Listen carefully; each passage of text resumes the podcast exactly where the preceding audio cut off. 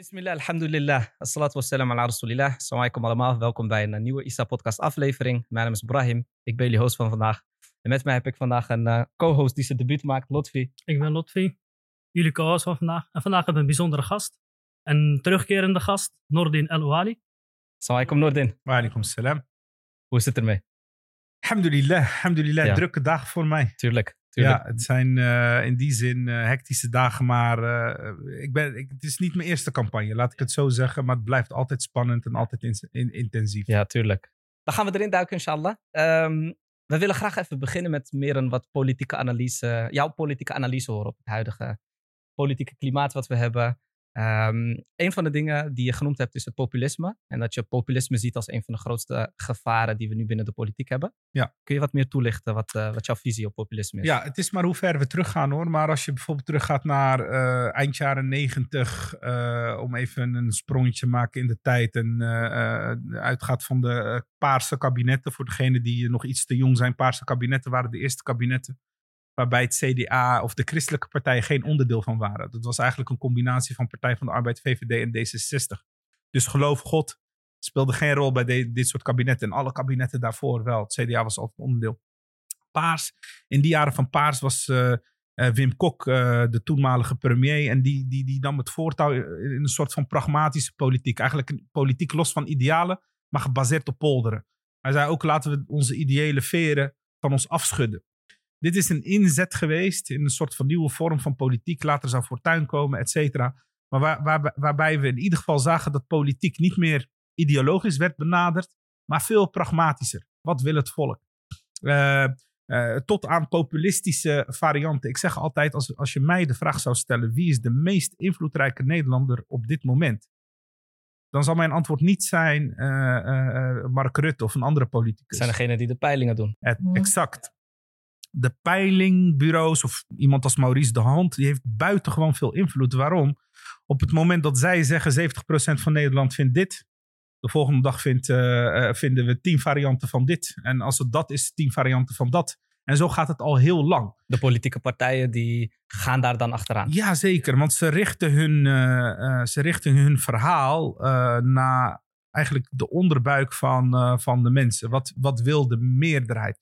Dus er is een enorm gebrek aan moreel leiderschap. Of überhaupt aan ethiek in de politiek is totaal afwezig. En waar komt die opmars, denk je, vandaan? Dat we dat nu vooral zien. Nou, een deel is dat even hè, vanuit de jaren negentig. Maar als je nog dieper, een diepere maatschappijanalyse doet, dan moet je rekening houden met de seculariteitsthese. Ik gebruik moeilijke woorden, meestal licht ik ze toe. Maar seculariteitsthese is niks anders dan eh, de these die zegt dat geloof steeds minder een rol gaat spelen in de samenleving. Voor een heel groot deel eh, klopt dat ook in het Westen.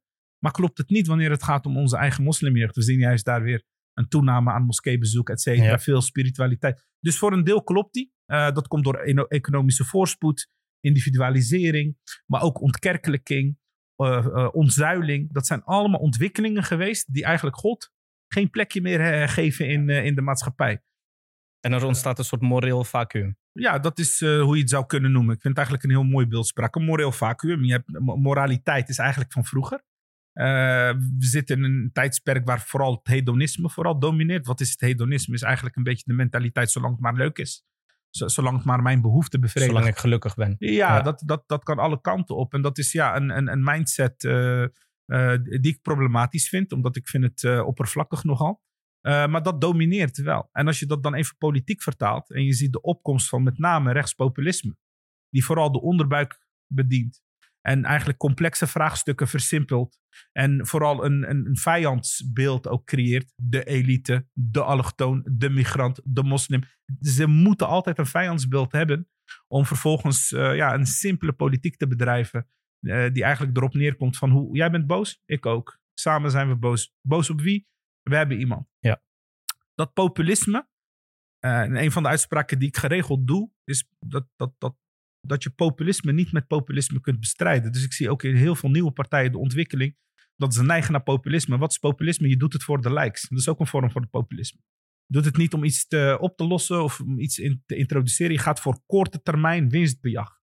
Eh, publiciteit. Dus het wordt steeds extreem. Hoe raarder je iets roept, hoe harder je ergens ingaat, hoe meer publiciteit.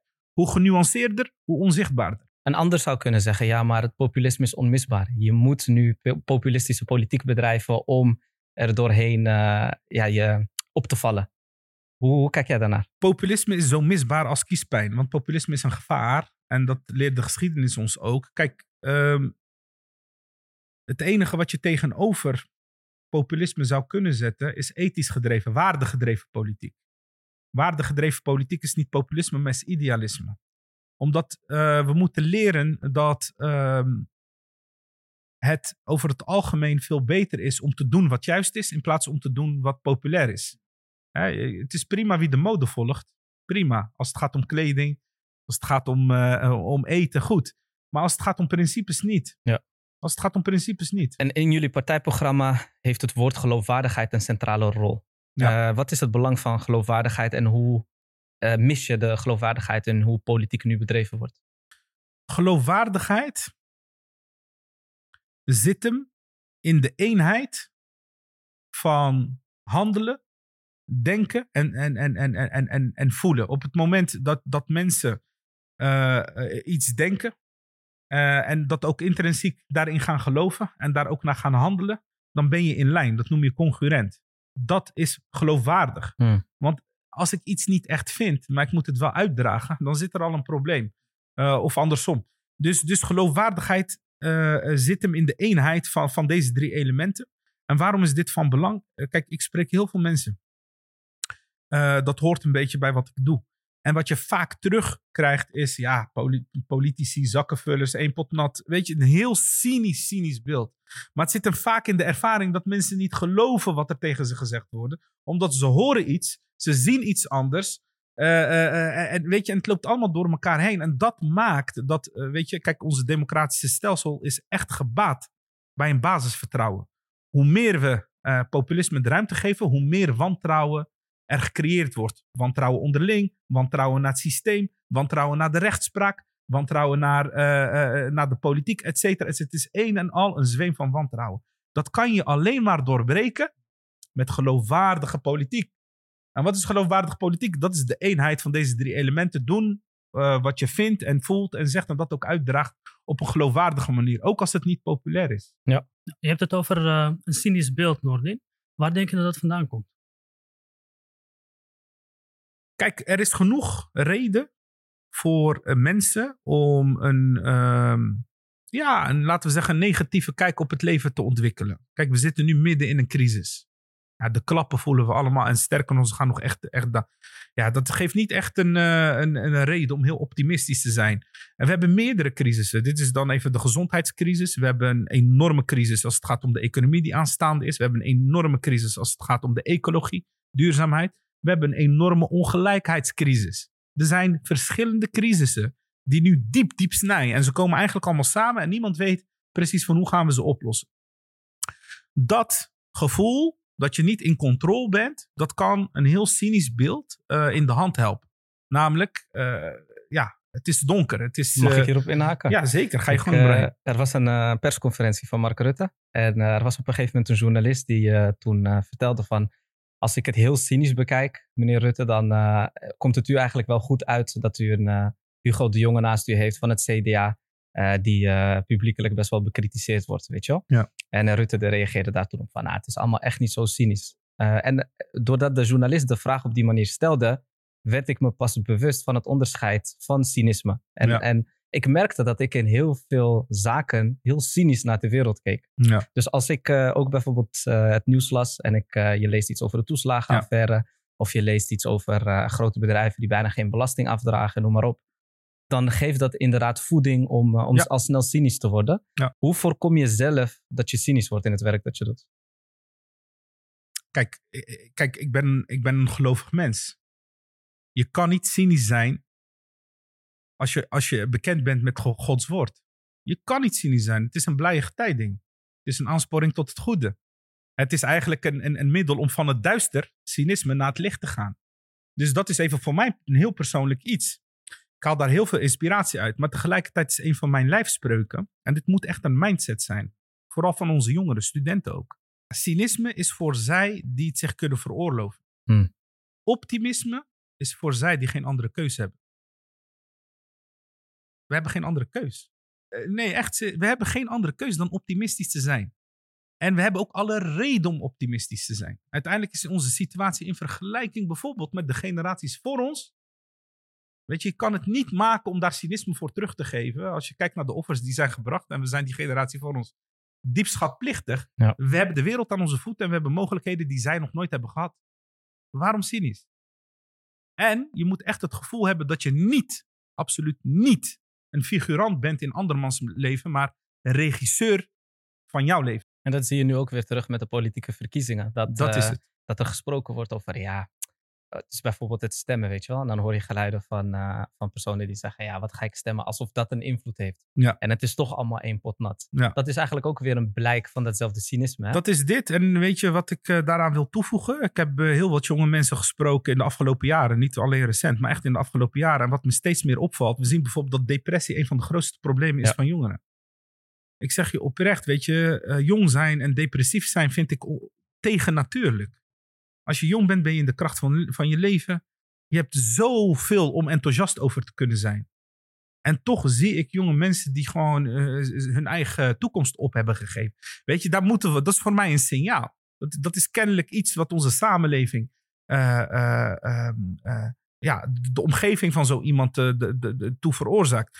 Dus een van de problemen is dat 50% van mensen met een migratieachtergrond maar 50% stemt. En als je kijkt naar jongeren is dat maar 25%.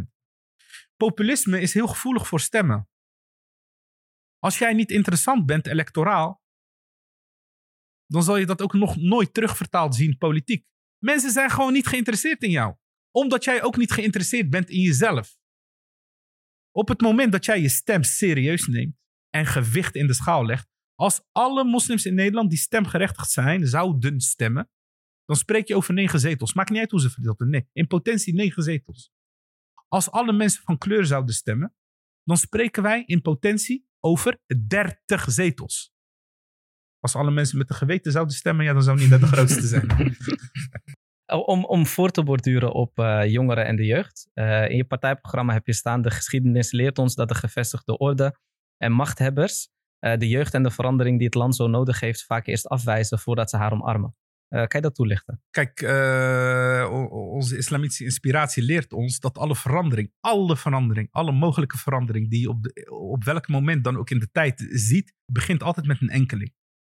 Ah, nee, niet op de laatste plaats onze profeten. dat was altijd één. Ja. Sallallahu wasallam.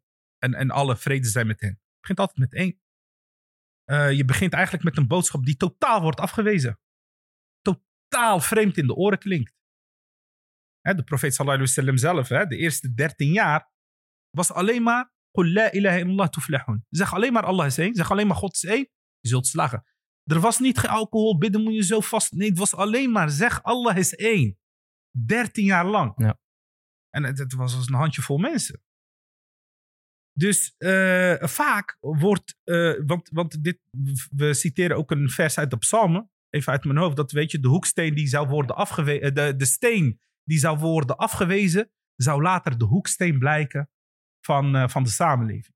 Dus iets wat op voorhand wordt afgewezen, en ik zie islam of islamitische inspiratie in onze context als iets wat wordt afgewezen, wat niet wordt begrepen. Ik zeg heel vaak, we hebben de beste, beste, beste, we hebben het beste product, maar de slechtste marketing. Oké, het zij zo, de tijd is zo, maar het wordt afgewezen. En het kan zijn dat Nida met haar programma een visie introduceert op een talrijke onderwerpen waarvan wij zeggen, dit is een rijkdom, dit is iets is eeuwig. We kunnen echt meedenken en bijdragen aan eh, ecologie of talentontwikkeling. We hebben onze ideeën, onze belastingstelsel, et cetera. Het kan zijn dat het wordt afgewezen, maar er komt een dag, ben ik van overtuigd, dat mensen denken, ja, eigenlijk eh, meer islam is zo gek nog niet. Dat is, dat is wat de geschiedenis ons leert. Dus wij moeten daar niet voor wegrennen. We moeten begrijpen dat het zo is. En dat moet je eigenlijk sterken in het pad wat je gaat. Omdat we niet de mode volgen, maar iets eeuwigs. Iets tijdloos. Het is mooi dat je dat zegt, want eh, toen net hebben we het gehad over populisme. Ehm, en ook in jullie partijprogramma zetten jullie vooral in op, op duurzame waardecreatie. Kun je daar wat meer over vertellen? Ja, ja, ja. Ehm, ja, dat hangt. Kijk, kijk onze, onze visie. Dat zijn eigenlijk de maatschappelijke doelen van de islam. Hè? Laat ik daar even iets over, over zeggen. Want, want het, het, het- het is niet hapsnap. Het is niet dat we een ideetje plakken. Nee, wij doen ze onze grote voordeel met heel veel eh, werk van geleerde wetenschappers, schrijvers. doen wij ons, ons, ons eh, voordeel Als mee. ik daar nog op mag inhaken. Ik heb jullie partijprogramma ook doorgenomen en ook vergeleken met andere partijprogramma's. En daarin merkte je wel echt dat eh, wat heel onderscheidend was als jullie, aan jullie partijprogramma, dat je echt heel wat pagina's had voordat het ging over concreet de Ja. programmapunten. Ja. Met inderdaad een uitlichting van die visie Klopt. en missie. Eh, En, eh, en pet je af. En, en, en dat, dat, dat zie je heel duidelijk als je het partijprogramma erbij pakt. Waar je duikt in andere eh, partijprogramma's van andere politieke partijen, duiken ze al meteen de, In de programmapunten in, weet Ja, je wel? ja. Kijk, dank daarvoor en dank dat het ook wordt gezien. Ons partijprogramma heet trouwens Bij de Tijd. vernoemd naar Sorat al-Asr. Sorat al-Asr, wie, wie de betekenis van die Sora kent, snapt heel goed. Hè, hè, waarlijk, de mens is te midden van verlies. Behalve, behalve. En dan komt Allah met een opsomming. Degene die geloven, goede daden verrichten. En uh, uh, tawassul bil haq en de waarheid verkondigen. En en geduldig zijn. Ja, nu hebben we de tijd. Ja, wees geduldig, weet. Dus we hebben het bij de tijd genoemd voor geloofwaardige politiek. En wat wij doen, en ik denk dat dat uniek is in Europa, en mogen Allah het van ons accepteren, is dat wij de ijdele poging wagen om de islamitische inspiratie die al eeuwen, eeuwen, eeuwen schatten, oceanen aan inzichten en kennis, proberen we uh, maatschappelijk te vertalen. Ja? Dus we gebruiken de vijf maatschappelijke doelen van islam. Dat kan je ook maqasid sharia noemen. Mensen krijgen uh, al, sommige mensen die dat niet weten, die worden al angstig van. Maar dat is ook een uitdaging. Weet je, maqasid sharia, dat zijn gewoon de maatschappelijke pilaren. Dan hebben we het over het ontwikkelen en beschermen allereerst van geloof. En geloofwaardigheid, et cetera. Het ontwikkelen en beschermen van familie. Het ontwikkelen en beschermen van talent. Ontwikkelen en beschermen van welvaart. En het ontwikkelen en beschermen van natuur. Dus als we het hebben, bijvoorbeeld iets als. Uh, hè, je hebt in, in landelijk heb je misschien iets van 13 beleid, beleidsterreinen. Die passen al, elke beleidsterrein past ergens onder. Als het gaat om onderwijs, dan gaat het over het ontwikkelen en beschermen van talent. Gaat het over economie, dan gaat het ontwikkelen en beschermen van welvaart. Dus we kunnen in die visie kunnen we alles kwijt. En dan zien we ook elk probleem in samenhang. Ja, gaat het om migratie? Ja, maar wacht eens even, migratie heeft ook oorzaken. Wat zijn de oorzaken? Dat heeft weer bijvoorbeeld verbinding met, uh, met ecologie, hè, droogte, et cetera, de, de, de wijze waarop wij leven. Het heeft verbinding met bijvoorbeeld buitenlandse politiek, oorlog, et cetera. Dat is dan weer, dat valt onder het kopje familie. Ja. Buitenlandse politiek, we, we geloven in de familiaire oorsprong van. Dus je kan iets niet simplistisch benaderen, maar eigenlijk in een context plaatsen van alles. En wij hebben dus geprobeerd dat te vertalen maatschappelijk. En dan zie je dat we eerst een analyse geven. Dit is het verschil met populisme. Populisme vandaag de dag kan je met een 1 A4'tje aan de verkiezingen meedoen. Dat is al vaak genoeg dat hebben gedaan. we gezien, ja. Of je kan gewoon zeggen, dit is kort, dat is breed, dit is slecht, dat is goed, uh, klaar. Ja. Uh, een grens dicht. Dingen die totaal onmogelijk zijn, weet je, die kan je gewoon roepen, maar het doet het goed. Nee, de uitdaging is om, uh, kijk, ook al maakt niet uit wat er met NIDA gebeurt, dat ligt in Gods handen. Maar we waren er wel van overtuigd dat we een theoretische kader moesten neerleggen. En inshallah, zelfs al kunnen wij het niet verder brengen, zelfs al zouden wij hier stoppen, er komt een dag dat onze kinderen verder gaan lopen daar waar wij gebleven zijn. En ik denk ook dat dit uh, een centraal onderdeel is van de emancipatie van de moslimgemeenschap exact. in Nederland. Heel vaak zie je dat het, um, het is veel uitdagender voor iemand in jouw positie om aan de haal te gaan met de islamitische waarden en dat te proberen te vertalen naar de maatschappelijke context. Zeker. Omdat je onder vuur ligt. Dus uh, zeg maar, de, iedereen die thuis zit, die kan heel makkelijk een oordeel vellen. En je moet uit je comfortzone gaan en proberen binnen jouw uh, context die vertaalslag te maken. Wat veel makkelijker is, is om te zeggen: Nou, ik ben religieus geïnspireerd. Ik uh, haal um, um, mijn inspiratie uit de Koran en de Sunnah. Maar ik vertaal het niet maatschappelijk gezien, want dan kan ik een fout maken of dan kan ik een misstap ja. maken. Ja. En als ik dat doe, dan kan ik afgevallen worden. Dan ja. kan ik aangepakt worden. Dus uh, er is, uh, ik denk dat dit ook uh, het leiderschap is wat we nu nodig hebben. Namelijk leiders die hun inspiratie halen uit de islam. En vervolgens proberen dat te vertalen naar de maatschappelijke context. Kijk, inleidend. Ik ben me gaan beseffen dat veel mensen, ook van onze eigen broertjes en zusjes, broeders, zusters, maakt niet uit. We zijn aan het pionieren. Hè? Alles wat we doen is een beetje voor het eerst. En we zijn op de tast en we weten het allemaal niet zeker. Maar ik heb wel gemerkt dat we in een context leven waar uh, mensen echt beginnen weg te rennen voor islam. Omdat ze weten dat dat belemmeringen oplevert in de samenleving. Omdat de samenleving een giftige assimilatiedruk uh, uh, op ons allen gooit. Ja. Dus in het beste geval is islam iets voor thuis. In het beste geval. En eigenlijk is het iets wat je totaal zou moeten verlogenen. En zou moeten afzweren en van je af zou moeten werpen. Je daarvan bewust zijn geeft al aan wat de opdracht is. Namelijk emanciperen, op eigen benen staan, is niet de weg om de weerstand heen. Ik ken die route. Alhamdulillah, succesvol carrière. We kennen de weg. Degene die aansluiting vinden, kennen de weg. Hoe je om de weerstand heen, eh, niet te moeilijk, niet te ingewikkeld. Nee, de, de, die fase, vroeg of laat, je moet door die weerstand heen. Niet om eh, ge- een cadeautje te krijgen van mensen, maar omdat het gewoon, omdat, omdat je eh, Dat het nodig is voor de ja, gemeenschap. als mens, je moet je niet verschuilen of willen verschuilen voor wie je bent of wat je gelooft. En dat zal voor iedereen moeten gelden, dus ook voor moslims. Snap je? Dus dat, dat besef, die urgentiegevoel maakt dat we hebben gekozen niet voor de weg van de minste weerstand en de catch-all strategie. Noem jezelf seculier, iedereen kan op je stemmen. Nee, noem het gewoon hoe het is. En weet je, en eh, op basis van wat, op basis van wat ontwikkelen wij onze ideeën? Kijk, als het gaat om socialisme, andere ideologieën, weet je, die zijn er al. Als wij iets kunnen geven in een doorgeschoten, geseculariseerde omgeving, waar we het net over hadden, is het spiritualiteit. Die baraka zit nog een beetje in ons midden. Niet wegstoppen, niet weggooien, niet opzij zetten, uitdragen, geven, delen. Dat is de goddelijke boodschap. En ja, wij zijn geen profeten, alhamdulillah. Die profeten, vrede en zegeningen zijn met hun, die zijn niet meer in ons midden. Wat, wat van God kwam, stond niet ter discussie. Wat ik zeg, mag bediscussieerd worden. En wat iedereen zegt, mag bediscussieerd worden. Maar daarom, er is wel een verschil tussen een islamitische partij of een moslimpartij. Wij zeggen islam geïnspireerd met de reden. Het is onze kompas. Wil je weten hoe je moet vasten? Wil je weten hoe je moet bidden? Ga alsjeblieft naar je imam of sheikh. Dat is niet aan de politiek. Wij accepteren in die zin iedereen die zich kan vinden in de maatschappelijke doelen. Ja. Maatschappelijke doel is heel wat anders. Maatschappelijke doelen gaat niet over hoe jij moet leven. Maatschappelijke doelen gaat om de visie, om de voorwaarden die we moeten creëren. Zodat je kan leven zoals je wilt leven. En in ieder. Want we kennen geen dwang in het geloof, zodat iedereen kan leven zoals hij wil leven. Omdat het van God gekregen vrijheid is. Ehm, je zegt we zijn een islamitisch geïnspireerde partij. Ehm, je zegt ook we zijn een emancipatie, emancipatiebeweging. Ehm, ik vroeg me af, hoe merk jij dat in jouw omgeving wordt ontvangen door niet-moslims? Ah, positiever dan ik van tevoren had verwacht. Oh ja? Ja, kijk, kijk toen wij bedachten van wij moeten, wij moeten ons politiek gaan organiseren. Want politiek is te belangrijk om aan anderen over te laten. Iemand moet het doen, wie gaat het doen? Ja, maar dan kijk je om je heen. Ja, er waren niet veel mensen die dachten van eh, laten we dit doen, we hadden niks.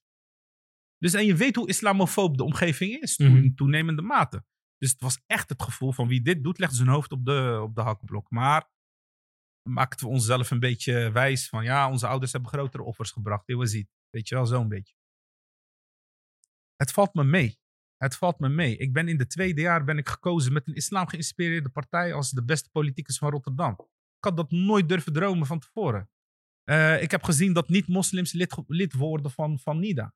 Die zitten in onze, zijn mijn gewaardeerde partij. Ze staan ook op de lijst. Maar ze kunnen zich vinden in, in, in, in, in de visie. Maar ik geloof ook, die visie die kan in elke hart kan die geresoneerd worden. Want het is, eh, nogmaals, het is niet eh, wat ik geloof. Het is een, een goddelijke boodschap voor iedereen. Ehm, ik heb gezien dat eh, mensen die de moeite nemen en door, door die etiketjes weten heen te prikken, die zeggen van ja man, ja, mijn, mijn stem heb je. Valt me mee. En je hebt natuurlijk die weerstand, maar dat, ik geloof zelfs als toen ik bij GroenLinks zat, bij wijze van, had ik die weerstand gebaseerd op wie ik ben. Want ik kan me best wel voorstellen dat je na een periode wordt gedemotiveerd door alle weerstand die je krijgt. Dat je bijvoorbeeld niet wordt uitgenodigd bij bepaalde nieuwsmedia.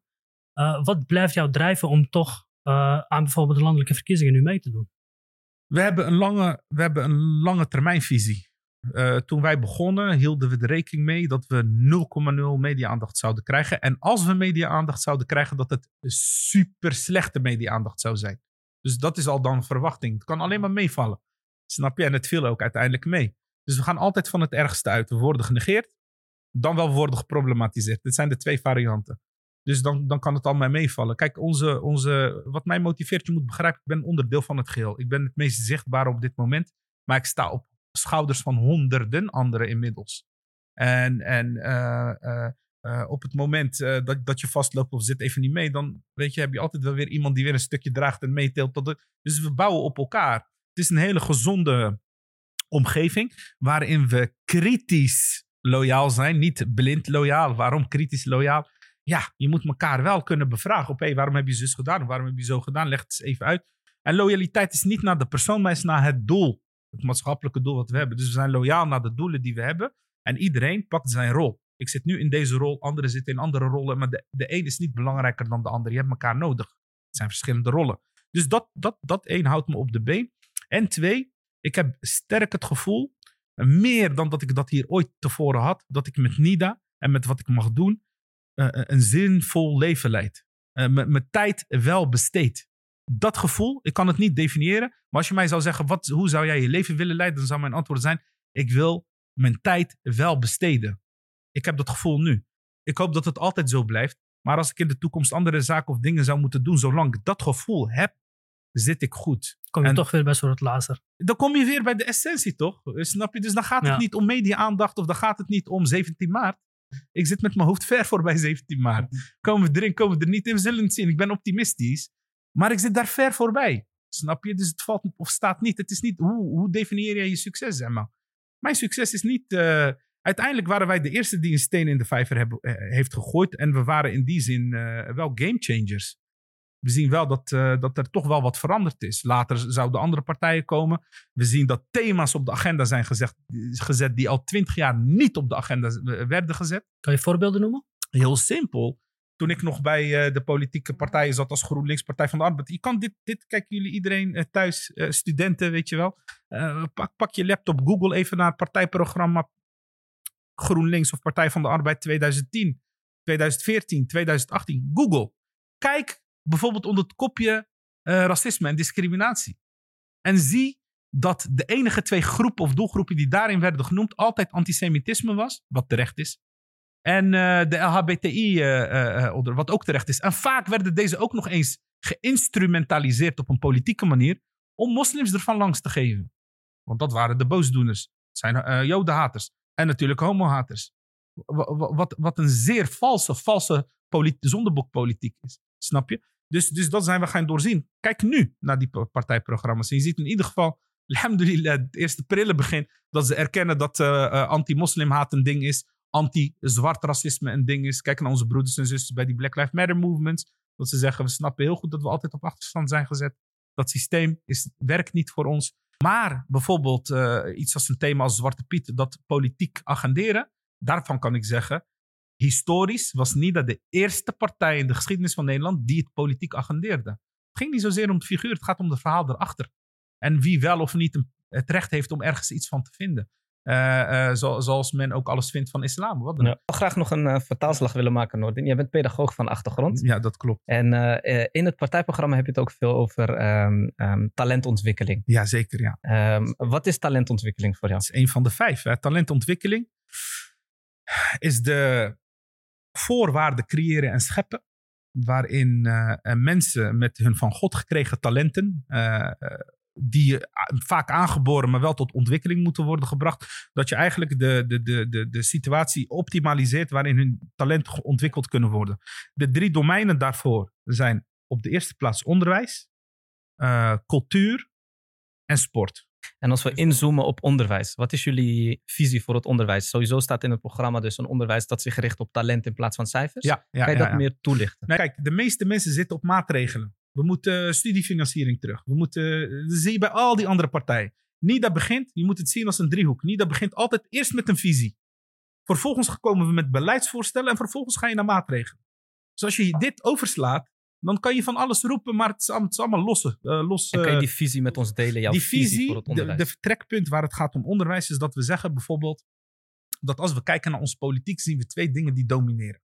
Eén, in de laatste decennia is een zeer cynisch mensbeeld, negatieve mensbeeld, centraal geworden eh, eh, als het gaat om de, om, de, om de visie van politieke partijen. Me- de politici kijken veel naar mensen en burgers als het ware profiteurs, eh, eh, fraudeurs. Het is een heel, heel negatief mensbeeld. Dat is één zaak. En twee, in de politiek domineert ook nog eens eh de ministerie van Financiën. Geld is het belangrijkste. Dus eh, wil je wat realiseren of wat dan ook, is het ministerie van Financiën de meest machtige ministerie als het gaat om wat voor beleid er wordt uitgerold. Dus we hebben hier twee zaken. Dat moet je onderzien. Allereerst zeggen we vanuit onze islamitische inspiratie geloven we in de positieve kracht van mensen. Mensen zijn in de kern goed. Kunnen slecht doen, kunnen fouten maken, maar in de kern zijn ze goed. Net als wat, en dat noemen we ook, Rut- Rutger Bergman is geen moslimtheoloog of zo. Het is gewoon een wetenschapper. Die heeft een boek geschreven, Alle mensen deugen. En die gaat uitvoerig uiteenzetten waarom de mens goed is. Kijk, dat is wat ik noem islamitische inspiratie. Waarom? Het is in lijn met de, met de, met de beginselen van islam. Ja. Dat we zeggen, eh, alle mensen zijn ala fitra, zijn goed. Eh, en vervolgens gebeurt, kan er van alles gebeuren. Eh, dus, dus, dus, dus we hebben gezegd, één, het cynische mensbeeld eh, is funest voor ook onderwijsontwikkeling. Want daar staat vooral de onderwijsbegroting centraal en onderwijsinstelling centraal. En we moeten naar een systeem waarin talent centraal staat in verbinding met leraar, docent. Ja. Dus dat is al een verschuiving. Eén. Twee is eh, dat we eh, eh, zeggen dat ehm, eh, we ook de voorwaarden moeten creëren waarin we al die controlemechanismes die in het onderwijs zijn geslopen vanuit dat negatieve mensbeeld en vanuit dat budgetair denken, ook productiviteitsdenken, grotere klassen, kostenbesparing. Ze worden gerund als bedrijven. Ik ben, ik ben naar Finland gegaan. Het heeft me enorm geholpen aan deze visie. Ik ben naar Finland gegaan om te kijken naar hun onderwijssystemen. Ik denk drie jaar geleden inmiddels. En Finland, moet je weten, heeft een onderwijssysteem die het hoogst scoort op wat ze noemen die PISA-scores. Eh, die, die vergelijken alle onderwijsinstellingen in de wereld en die geven bepaalde eh, scoren daaraan. En Finland doet dat ver uit het beste. Een aantal zaken vielen me daarin op. Een van de belangrijkste zaken daarin was dat alle docenten in de kern academisch geschoold zijn en een pedagogische graad op zak hebben. Nog los van of je wiskunde gaat geven, biologie, maakt niet uit. In de kern heb jij een academische graad en heb jij kennis van pedagogiek. Niet in een bijvakje van, eh, wat is het, kinderbox of Pavlov of zo. Dat is het meeste kennen die wel. Ja, dat is iets wat je erbij doet, maar echt de diepte in. Ontwikkelen, ontwikkeling, wat is stagnatie, ont- ontwikkeling en, en verder. Dat is één. Twee, docenten in Finland worden maatschappelijk zwaar gerespecteerd. Zowel in financiële zin, maar ook als in maatschappelijke positie. Vergelijk dat eens even met hier.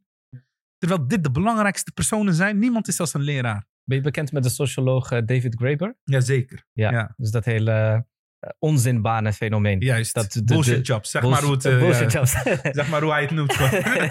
dus de mensen die, die eigenlijk het meeste waarde Juist. leveren aan, aan de samenleving, dat die eigenlijk het minst gewaardeerd worden. Zeker. En dat is een fenomeen Dit wat, een wat je hier ook fenomeen. ziet. En, en wat ik ook nog wel Ja. interessant vond, want je had het net over, ik wil een leven geleefd hebben waarin ik voel dat ik waardevol ben geweest. Er is een, eh, een peiling geweest in Nederland naar hoeveel mensen vinden zelf dat zij een bullshit job hebben. En dat was 40% ja, dat Dus is, 40% van de werkende Nederlanders vindt dat zij een onzinbaan hebben. Maar wat betekent dat voor het potentieel aan talenten wat verloren gaat? Als het gaat om onze onderwijsvisie, begint Ja. het bij mensbeeld. En begint het met, zet niet het geld centraal. Maar bijvoorbeeld, het laatste voorbeeld dat Hmm. ik geef van, van visie, waarin geld. Dus je krijgt een doelverschuiving. Dat hele afschaffen van eh, de studiebeurs. Ja. Wat gewoon echt een, eh, een gigantische fout was. Misschien zelfs misdadig. Want we hebben een generatie met schulden opgezadeld. Gemiddeld 25.000 of meer. Ja. En we hebben het leuk geframed, sociaal lenen. Sociaal lenen. Wat kan iemand me uitleggen? Wat heeft dit aan bijdrage geleverd aan talentontwikkeling? Dit is redeneren vanuit onderwijsbegroting. We hebben een besparing ergens op nodig om zogenaamd een investering ergens op te doen. En als ik aan eh, studenten vraag, joh, merk jij eh, wat van die investering in onderwijs achter die zoomscherm? Niemand. Niemand. Dus er is iets misdadigs als het gaat om talentontwikkeling. Iets misdadigs gedaan. Waarom? Omdat het ministerie van Financiën domineert. Niet zozeer talentontwikkeling als visie. Dus wat wij ook in ons programma Het zeggen. ministerie zetten, van Mensen van Geloofwaardigheid. mens en geloofwaardigheid. Wat doet het mi- ministerie van Wens- Mens en Geloofwaardigheid? Twee dingen. Het bewaakt doelverschuiving. Dus niet financiën domineren, maar wat is het doel? En alle beleid wat wordt, eh, wat wordt eh, voorgesteld vanuit de Kamer moet getoetst worden op grondrechten, de grondwet en op mensenrechten. Want we zien ook hele enge ideeën voorbij komen. Dus dat is het stukje menswaardigheid en het stukje geloofwaardigheid gaat om doelverschuiving. En ehm, ehm, veel van onze achterban, dat zijn natuurlijk studenten. Eh, dus dat zijn vaak eh, MBO, HBO, WO-studenten. Ook best wel wat jong professionals die luisteren. Maar als we specifiek inzoomen op studenten. eh, stel dat NIMA, NIDA een aantal zetels behaalt, Ja. inshallah. Eh, wat verandert er concreet voor studenten? Nou, kijk, we hebben heel veel voorstellen. Het belangrijkste is dat we zeggen, we willen een sta- staatssecretaris gelijke kansen. En die moet alle voorstellen die uit de Kamer komen, moet die eh, ehm, eh, belast worden met één ding, namelijk gelijke kansen vergroten. We willen bijvoorbeeld, we hebben het net over de studiebeurs gehad, we willen die gewoon terug. Inclusief een gratis OV en willen dat collegegeld drastisch naar beneden wordt geschroefd. Omdat dat ten goede komt van ons allemaal. Als talenten ontwikkelen, zijn de belastingbetalers, et cetera. Dus dat is één. We willen geen kommaatjes verschuiven. We willen soms ook echt hervormen. Een van de dingen waar we echt een hervorming op willen, is eh, na eh, voorbeeld en onderzoek van eh, Maurice Krul, verbonden aan de Vrije Universiteit. Die zegt, als we het onderwijssysteem van Europa zien, welke systemen zijn het beste om achterstanden in te lopen, dan halen we er twee dingen uit. Je moet eerder beginnen. Dus niet met vier jaar, zoals we dat nu in Nederland doen, maar met twee jaar. Dus met twee jaar naar school. En we moeten later toetsen. Niet met twaalf jaar, maar met veertien jaar. We toetsen te snel. Dus als, als, je, als je ook kinderen hebt die, laten we zeggen, iets meer tijd nodig hebben om tot volle wasdom te komen, dan is een systeem wat eerder begint en later toetst, is absoluut een voordeel. En zal je zien dat een probleem als onderadvisering en zo veel minder vat heeft. Dat is ook iets wat we willen. We willen kleinere klassen. We willen meer taligheid in het onderwijs. We willen betere oudere betrokkenheid in het onderwijs. We willen betere uh, basisvoorwaarden, zoals betere schoolklimaten. De beste scholen in, in, in, in de wijken die het hardste nodig hebben. Dus meer, we willen ongelijk investeren. We willen ongelijk investeren. Zeg gewoon, we zijn eigenlijk voor heel gelijkheid. Maar we willen ongelijk investeren. Niet om mensen voordeel te doen, te geven, maar om ze een gelijke kans te bieden. Want het is geen gelijke investering. En je ziet dus, dat Amsterdam die beweging. Ja, nu maar als je, als je, waar je hart vol van zit, dan loopt je mond van over. Als je hem nog even laat, dan kan ik er nog uh, 30 uh, voorstellen noemen. Maar het is niet een quick fix. Dus eerst beginnen we met een visie, daarna beginnen we met beleid. En wat ik nu noem, ik zit op maatregelenniveau.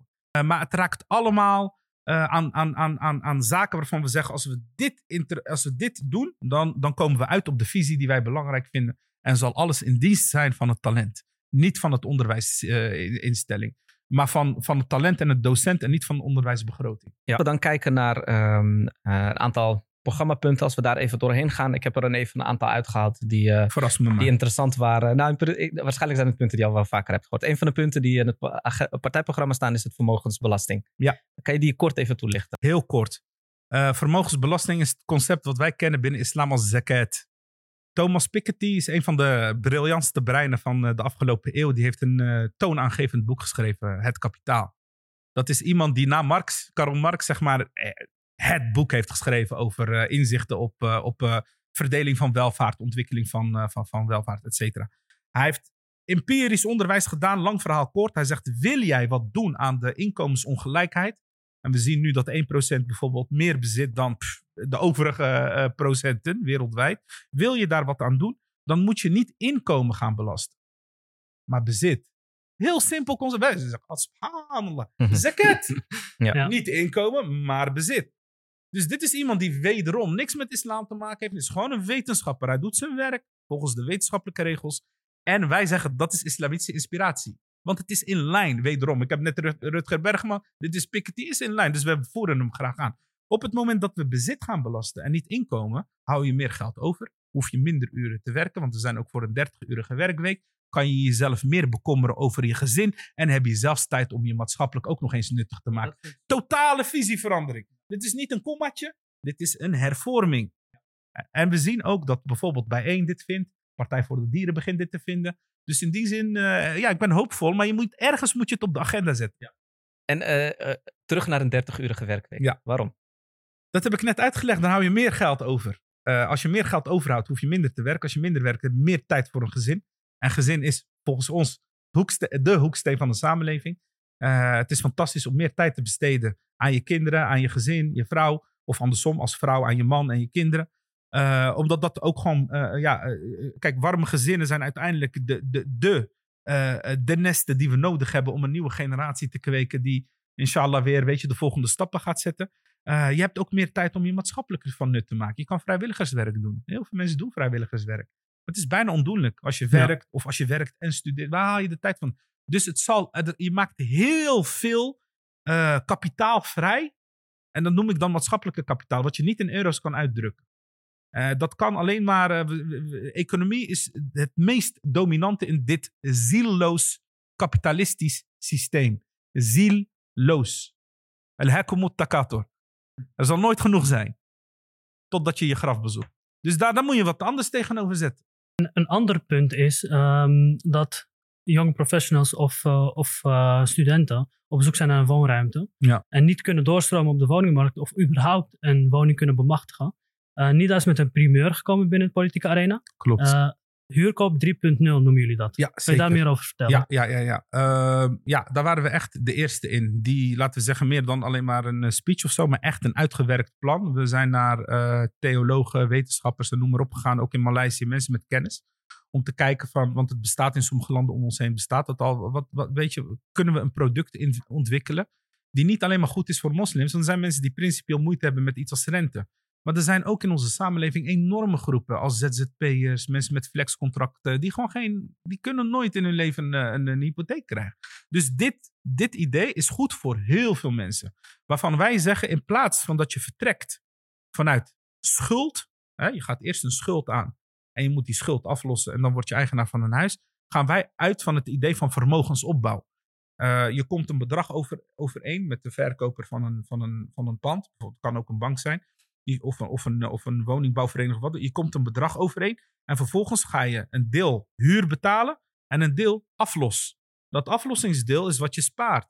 Dus in 30 jaar zou dat aflossingsdeel genoeg moeten zijn.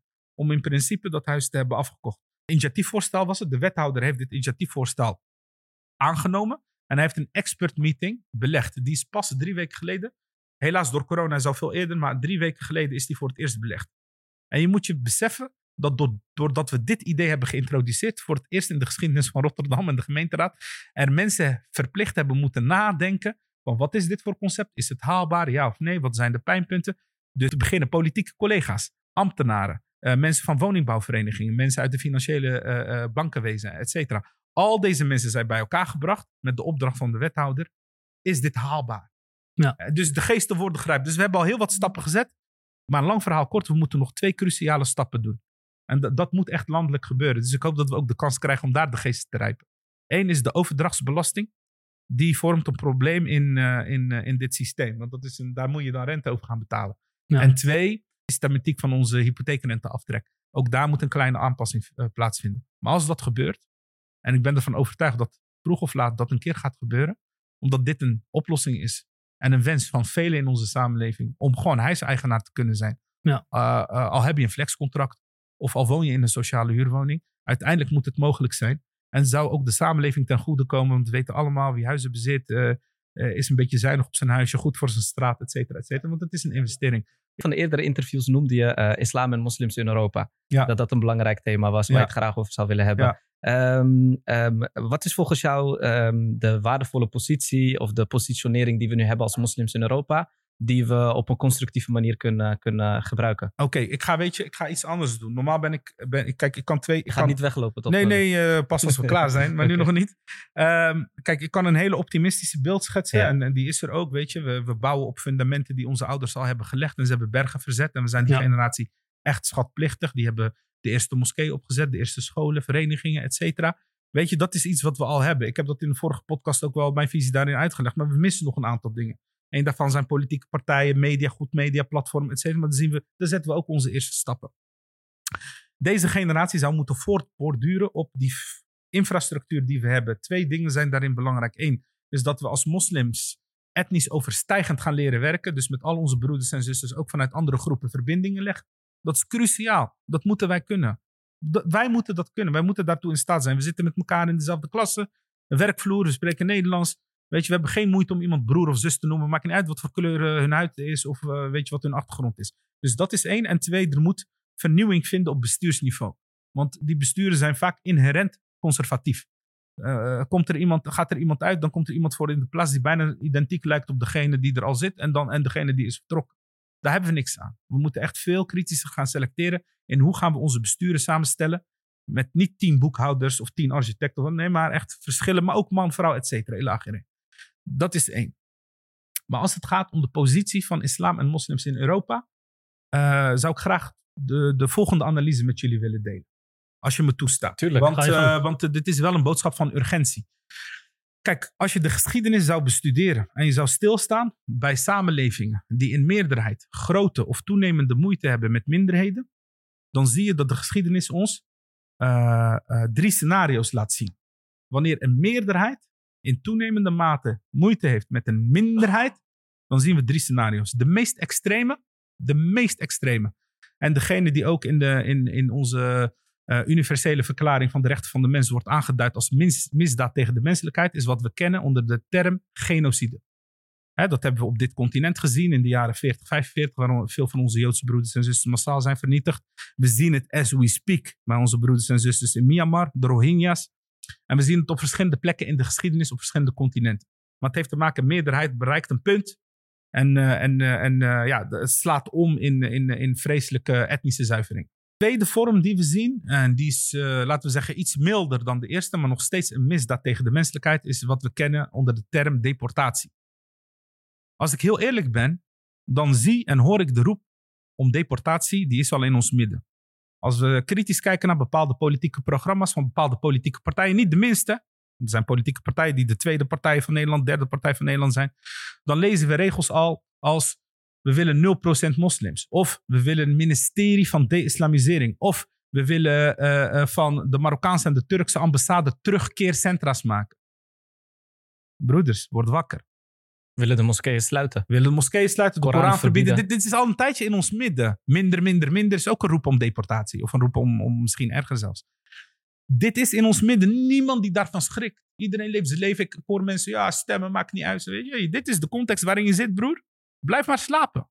Blijf maar slapen. Zet maar kinderen op deze wereld en deze context en zeg ik heb nooit gestemd, want het maakt niet uit. Dit is waar we zitten. Dit is, dit is sterker nog, degene die echt verstand hebben van wat er politiek gaande is.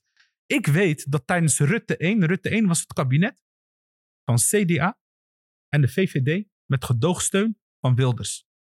Tijdens die periode hebben ze een akkoord gesloten waarin het volgende is opgenomen. Op het moment dat ik een misdaad bega, waar tien jaar of langer op staat. En Jan begaat hetzelfde. En daar staat tien jaar of langer op. En we worden door een rechter veroordeeld. Wordt Jan na tien jaar geresocialiseerd. En word ik gedenaturaliseerd. En Hm. uitgezet naar een land waar ik niet geboren ben. Dus ik zeg je nu al, de wettelijke mogelijkheid tot deportatie is al gecreëerd.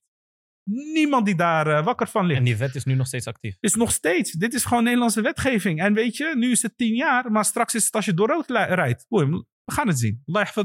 Tot slot. En dan mag je, want ik heb drie eh, tot slot. Tuurlijk, ga je gang.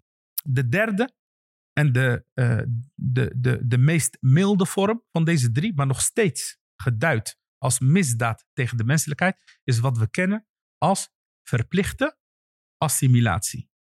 Ik heb het niet over vrijwillige assimilatie. Vrijwillige assimilatie, mensen zijn vrij om te leven. Maar als een overheid jou gaat verplichten dingen te doen of te laten met als opdracht jij moet worden als ik, dat noemen we verplichte assimilatie. Dat is misdaad tegen de menselijkheid. Want je, gaat, je moet tegen je wil in dingen doen of laten.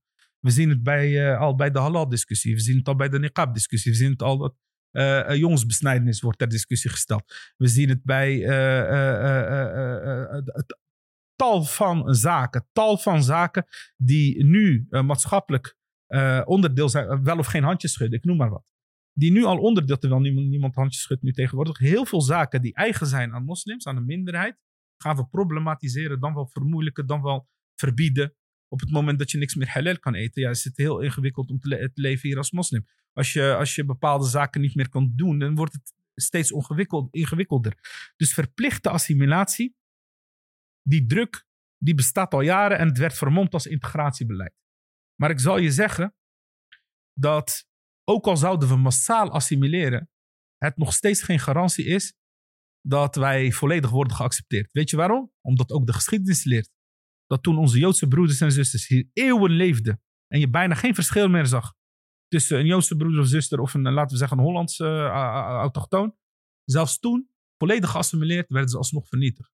Oké, dit is de context. Het is misschien niet het meest mooie verhaal. Hoeft niet. Hoeft Maar ik hoop wel dat mensen wakker worden, want nogmaals, we zijn geen figuranten in dit verhaal.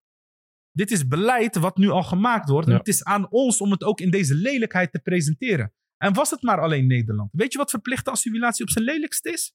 Denk aan je broeders en zusters, de Oeigoeren in China. Hebben ze gewoon fabrieken. Ze worden gestript van hun identiteit. Ze mogen geen islamitische namen. Ze mogen geen islamitische gebruiken. Geen hoofddoek. Ze worden gestript. Dat is verplicht assimileren op een, eh, t- 2.0. Allah yahfad. Moslims hebben bena- een benarde situatie wereldwijd, helaas. Of het nou gaat om onze landen van herkomst, of het nou gaat om eh, moslims in India, onder Modi, eh, China, Myanmar, Europa.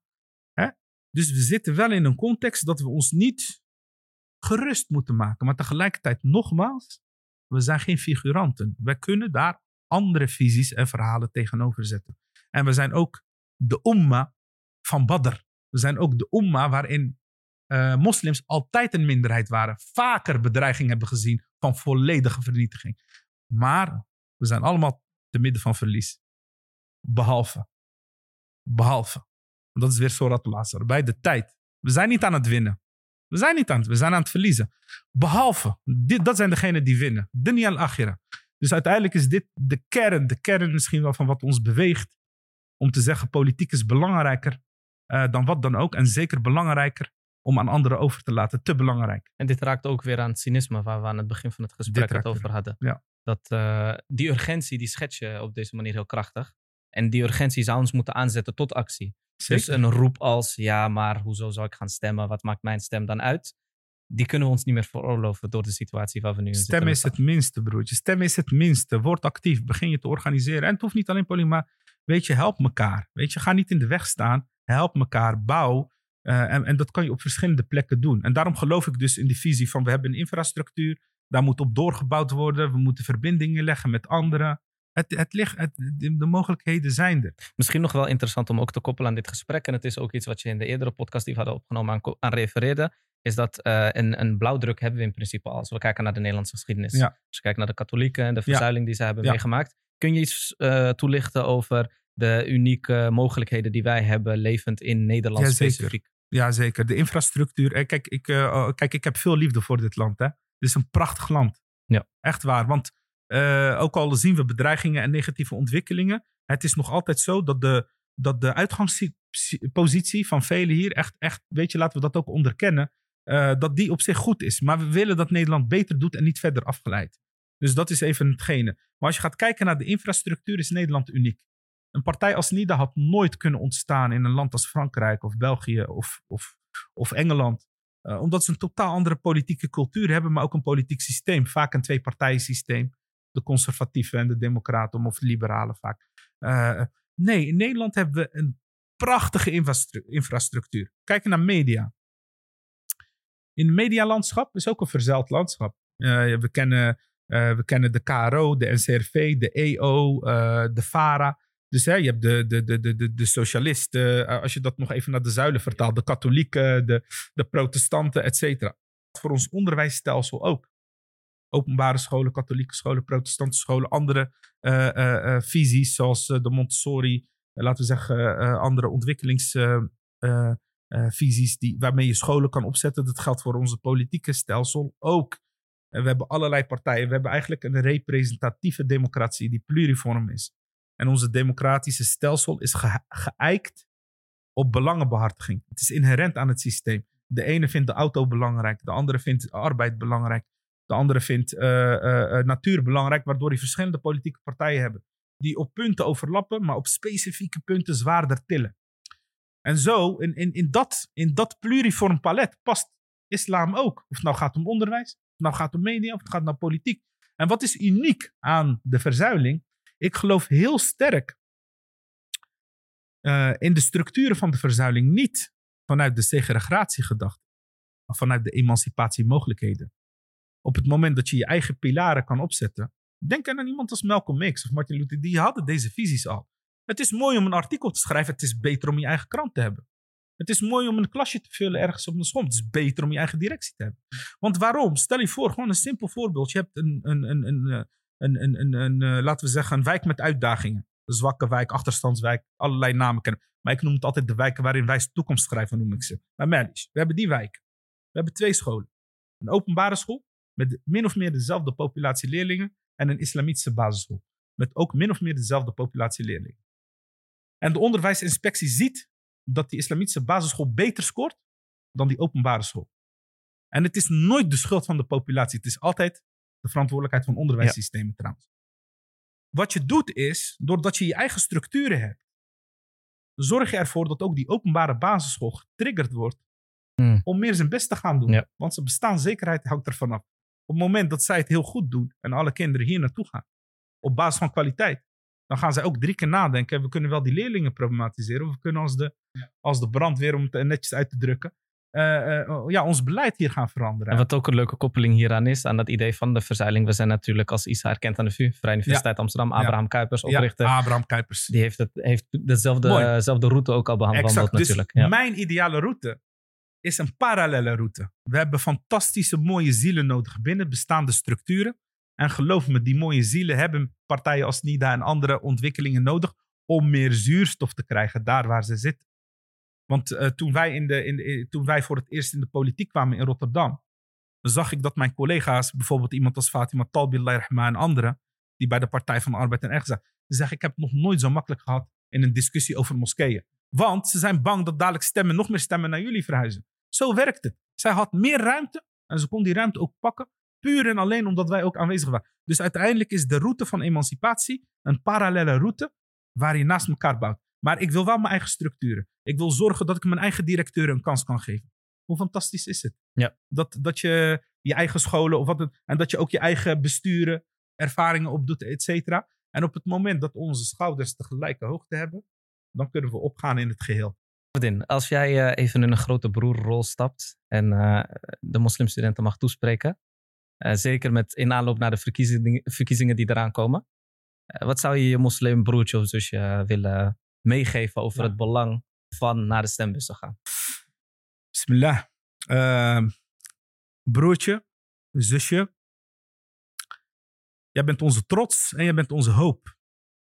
En ik weet dat waarschijnlijk die druk, eh, dat je die al reeds voelt binnen je gezin of op andere plekken. Ik wil jou twee dingen meegeven.